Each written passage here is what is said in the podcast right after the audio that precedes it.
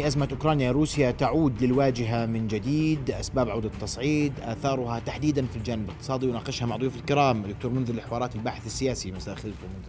مساء النور أهلا وسهلا. ورحب أيضا بأستاذ العلوم السياسية في الجامعة الهاشمية دكتور جمال الشلبي. دكتور جمال مساء الخير. أهلا بك. أهلا بك شرفت بحضورك رؤيا بودكاست. دكتور منذر أبدأ منك العودة للتصعيد. اليوم نشهد يعني وكأن الأمر عاد نقطة الصفر من جديد رغم تهدئة مرينا فيها في أيام. لماذا تعود الأمور للتصعيد تباعا؟ وحديث عن ضربة في ذلك التوقيت أو هذا التوقيت ساعات أيام لماذا؟ نعم مساء الخير لك ولدكتور جمال والمشاهدين الكرام. آه، أساسا لم يحصل تهدئة حقيقة هي عبارة عن انسحاب تكتيكي مارسه آه، رئيس بوتين وأرسل القوات إلى جهة أخرى ولكن عمليا استمر في ممارسة الضغط القصوى على الغرب. هذه هذه سياسة الضغط القصوى هو زاد عدد القوات وزعها على ثلاث أماكن القرم بيلاروسيا وروسيا وروسيا نفسها. وبالتالي هو لم يقلل القوات لأنه يريد أن يستجيب لقوات للضغط الأوروبي أبدا. هو لم يراعي كل ما يقوله الغرب استمر في اندفاعته نحو تحقيق أهدافه الاستراتيجية الرئيسية والتي أوكرانيا هي جزء منها وليس كلها. من يعتقد أن أوكرانيا هي سبب التحرك الروسي باعتقادي هذا وهم كبير.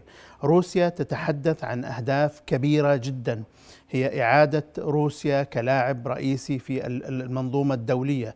كأمة عظيمة كدولة من الدول العظمى وهذا لا يمكن أن يتم إلا باستعادة الفضاء الجيوسياسي الروسي. وهذا الفضاء لا يمكن أن يتم إلا إذا هيمنت روسيا على جزء من أوروبا حتى تستعيد روسيا مكانتها في العالم وكدولة عظمى وحتى تثأر من حالة الإذلال اللي مورست بحقها من قبل الغرب بعد الحرب الباردة.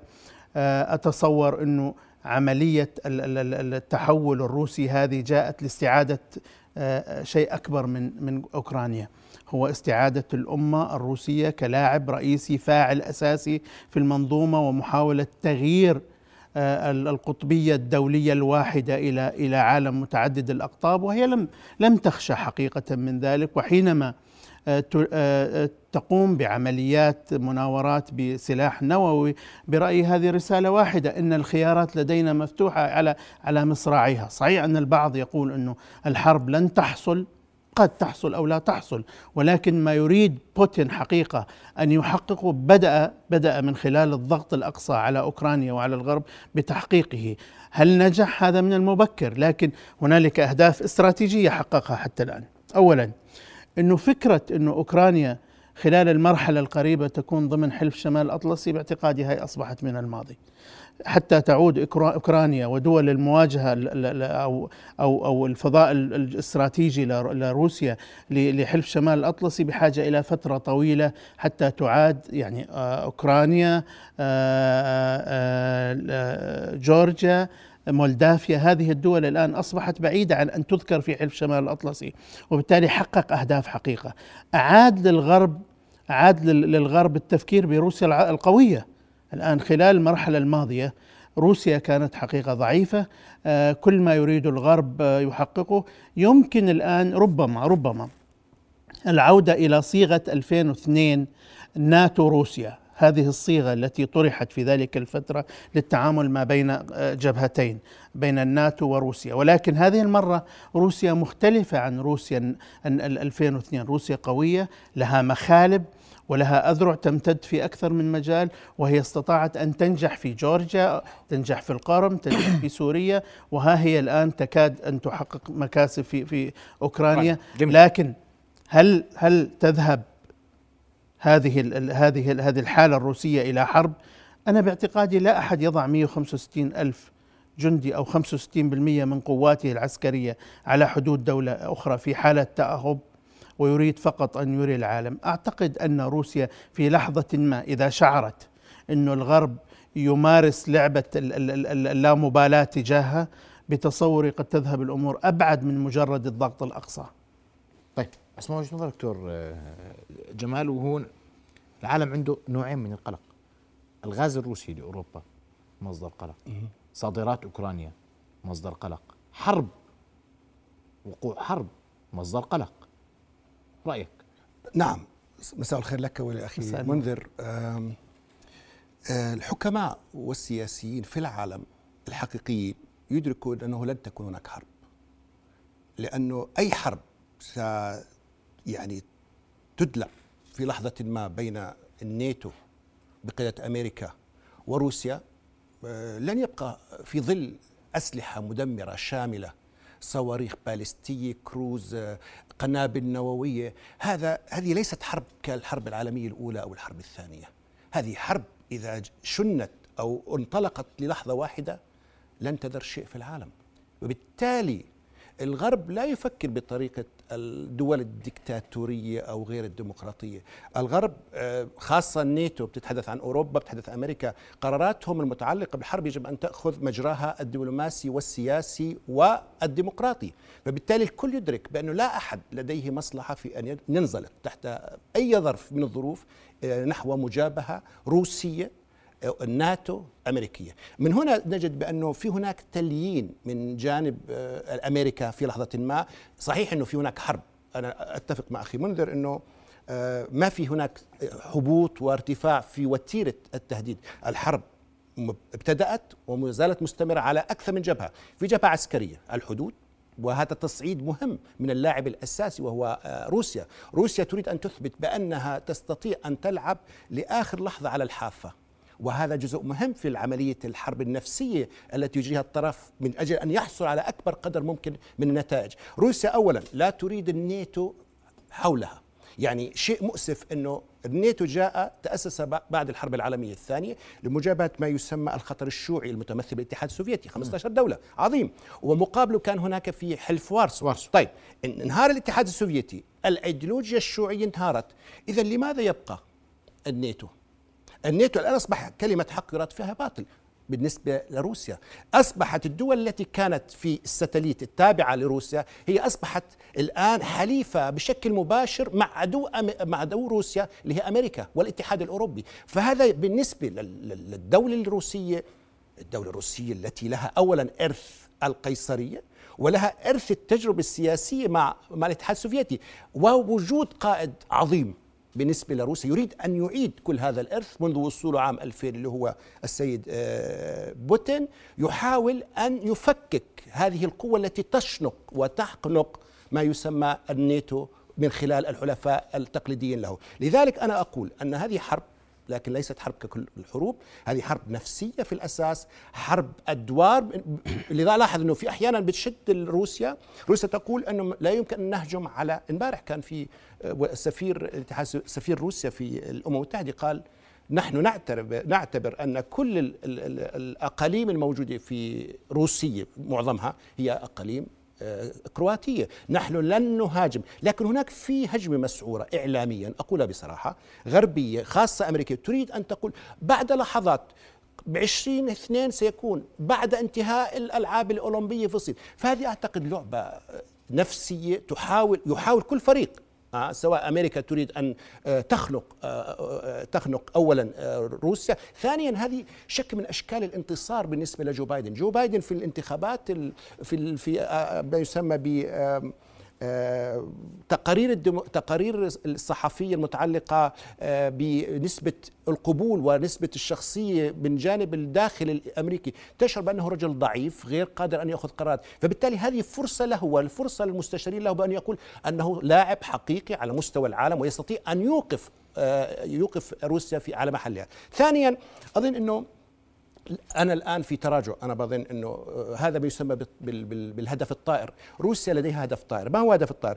تريد أن تصعد وأن تطلب أولا عدم دخول آه، أوكرانيا وكل الدول التي كانت حليفة له في ال- الناتو. وهذا أعتقد سيتم بشكل غير مباشر بمعنى تأجيل هذا الدخول. وأعتقد انه هناك نتحدث الآن لكن أنا بعتقد هناك في تحت الطاولة مناقشات ودبلوماسية سرية، نحن نعرف انه هذه المناقشات السرية والدبلوماسية السريه كانت بالقرن التاسع عشر وبداية القرن العشرين، الان ما في دبلوماسية، لكن الآن في ظل ظروف صعبة، هذه الحالة تشبه ما يسمى بالحرب التي صارت حرب النفسية في ما يسمى خليج الخنازير بين أمريكا وروسيا، الاتحاد السوفيتي، الاتحاد السوفيتي مرر أسلحة آه، فنزويلية وكوبية. إلى إلى إلى إلى كوبا وهذا يعتبر تهديد لكينيدي وأمريكا. فبالتالي قال لهم لا صاروخ يدخل وإلا سن- سن- سنعمل حرب عالمية ثالثة. فبالتالي روسيا قالت أوكي ما في عندنا مشكلة نرجع الأسلحة لكن مقابل ذلك يجب أن ترجعوا كل القوات الموجودة عندكم في تركيا. فأعتقد أن أن أن ال- الهدف الأساسي الأساسي. ليس فقط عدم دخول الدول الدول أوكرانيا أو غيرها. أعتقد الهدف الأساسي للسيد بوتين هو عدم وجود قوات آه، ناتونية إذا جاز لي القول حول روسيا. طيب القلق اقتصادي دكتور منذر. في قلق عالمي في قلق أوروبي على الغاز الروسي وهو السبيل الوحيد لإيصال الغاز لأوروبا اليوم على أقل تقدير في قلق اقتصادي عالمي أن أوكرانيا تصدر الكثير من المنتجات الأساسية. التي يحتاجها العالم. وأن بوتين يهدد سلم العالم بما يقوم به على حدوده مع أوكرانيا. دعني أقول ف- بس نقطة. تفضل. في فرق شاسع ما بين خليج الخنازير وما بين أوكرانيا. أوكرانيا. هنالك كان التهديد مباشر بين دولة الولايات المتحدة لا تريد لفضائها الاستراتيجي أن أن ينتهك بال بال بالاتحاد السوفيتي. الآن الولايات المتحدة تقول كلمة واحدة. أنه فيما لو غزت روسيا أوكرانيا لن نتدخل عسكريا. فرق شاسع.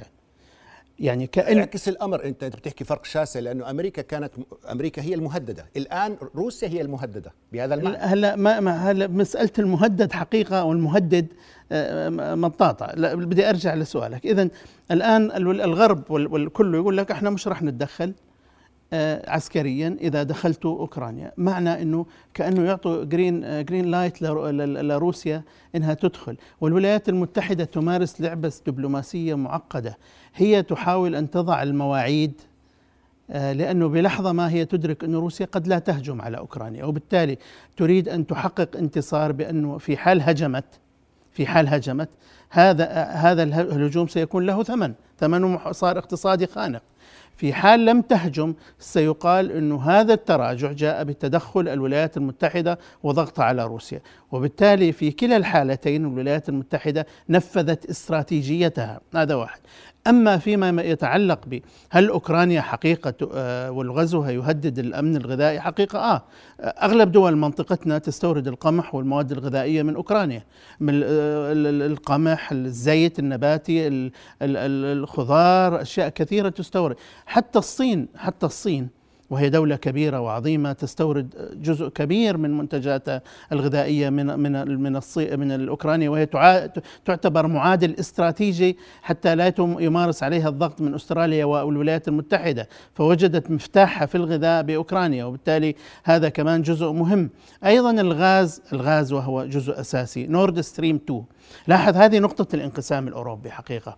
إنه الآن بريطانيا قبل شوي صرحت وفرنسا تصرح وألمانيا تصرح إنه لن نفرض عقوبات على نورد ستريم 2 إلا إذا غزت آه، أوكرانيا آه، آه، روسيا أوكرانيا. روسيا أوكرانيا بمعنى كمان هاي النقطة كثير مهمة إذا نتخيل إنه هل آه، حينما تغزو روسيا أوكرانيا وانقطع الغاز هذا سيؤدي إلى أزمة طاقة كبيرة، تحاول الولايات المتحدة إيجاد بدائل لهذه الطاقة التي تورد لأوروبا، حقيقة تفشل حتى الآن لأنه حينما طلب من السعودية، الآن السعودية بعد أن مورس ال- ال- التغاضي الأمريكي عنها وجدت انه فرصتها سانحة حتى ترد الكف بكفين. حينما قيل للسعودية بدكم تصدروا ل- لأوروبا أو تخ- تزيدوا إنتاج النفط قالوا لهم لا إحنا آسفين.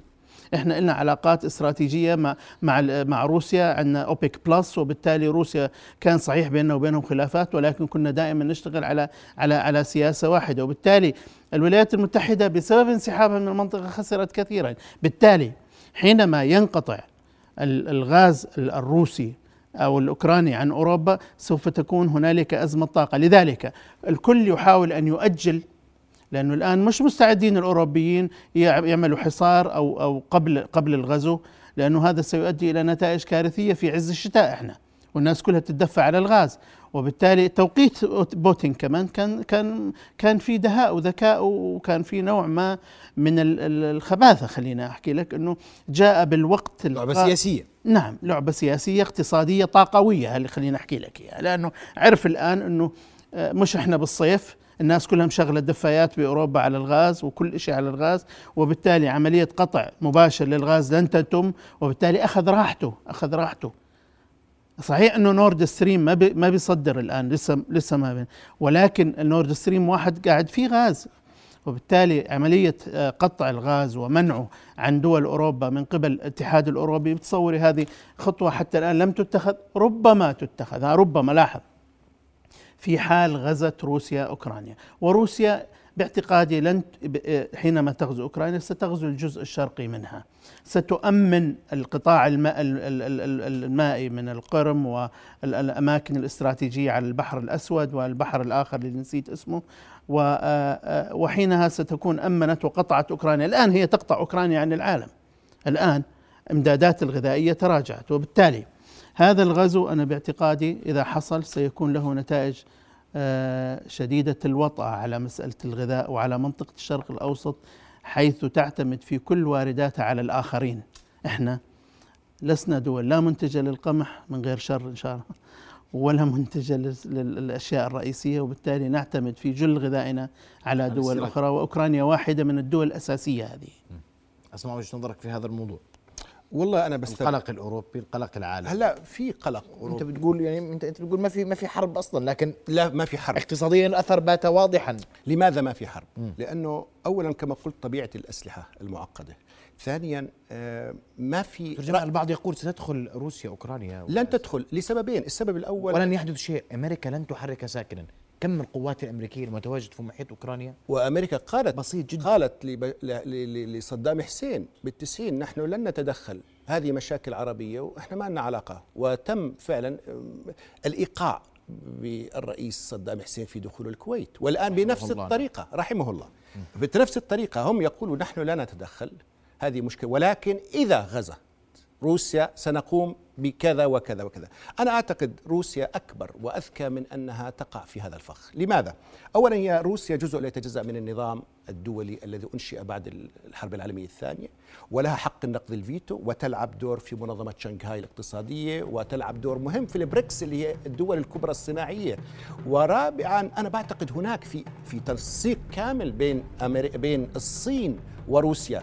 وبالتالي لا يمكن لعاقل يحكم روسيا بهذا الحجم 17 مليون ونص كيلومتر مربع 145 آه، مليون إنسان. ت- لديها غناء آه، طاقوي آه، نفط وغاز ودور. ثالث دولة في هي في محطه الاقتصاد. هي محطة وقود على شكل دولة. أحسنت. وبالتالي غنية جدا. وغير هيك انها تبيع السلاح بشكل كامل ولها دور. هل من الممكن أن تغرق أو أنها تنزلق نحو حرب؟ تعرف البداية ولا تعرف النهاية؟ أشك في ذلك. ثانيا لا ما هو موقف الصين؟ الصين أنا أعتقد حليف مباشر. لا موقف صيني اليوم يعني. م... لأن اليوم ما في موقف معلن لماذا؟ صحيح؟ لماذا؟ لماذا؟ هذا شيء مؤكد. لماذا؟ لأن الصين مع... مع تم إعطاها المعلومة أن كل ما يحدث الآن هو نوع من التخويف ورفع الضغوطات على الأوروبيين حتى يخضعوا للشروط ال- ال- الروسية بهذا المعنى. وبالتالي أنا شخصيا لا أعتقد. وبالتالي أنا الكل بيعتقد أنه يعني أنه سنذهب إلى الحرب. الحرب هذه إذا دخلت فيها روسيا هي التي ستقع. ثانيا ما هو موقف أوروبا؟ هل ستسمح لروسيا أن أن الرئيس الرئيس الفرنسي طلب اجتماع مجلس الدفاع الفرنسي قبل قليل. هذا شيء طبيعي. هذا هذه ردة فعل طبيعية لدولة ديمقراطية تشعر بالخطر وتشعر بأنه من واجبها. فرنسا تحاول أن تلعب دور الوسيط الآن. يعني لم دكتور جمال أنت تقرأ لا حرب ودكتور منذر يقول إذا ما آه، يعني دفعت روسيا نحو ال- ال- الحافة قد تدخل أوكرانيا يا سيدي نعم. جانبها الشرقي. ما هو إذا- بالمعنى يعني- ما هو سيدي أنا قلت بانه طبيعة صحيح انه روسيا ليست دولة ديمقراطية بالمنوال الغربي لكن روسيا لديها عمق دولة عميقة ولديها أجهزة أمنية ولديها مؤسسات ولديها الدوما ولديها شعب ولديها تصور ولديها قائد ذكي هذا ليس فقط أنه رئيس واضح. هذا طيب. رئيس وزراء وهذا رئيس استخبارات ولديه علاقات ولديه طموح هذا الطموح يمنعه في أن يقع أو ينزلق نحو أي حرب أي. نعم. لكن بالتأكيد الحنكة والدهاء وليس الخبث الحنكة الحنكة والدهاء خاض أربع حروب.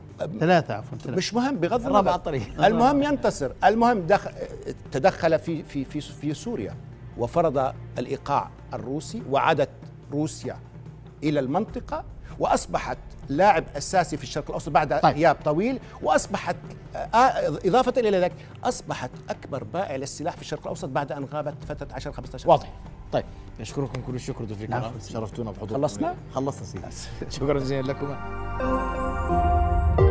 رؤيا بودكاست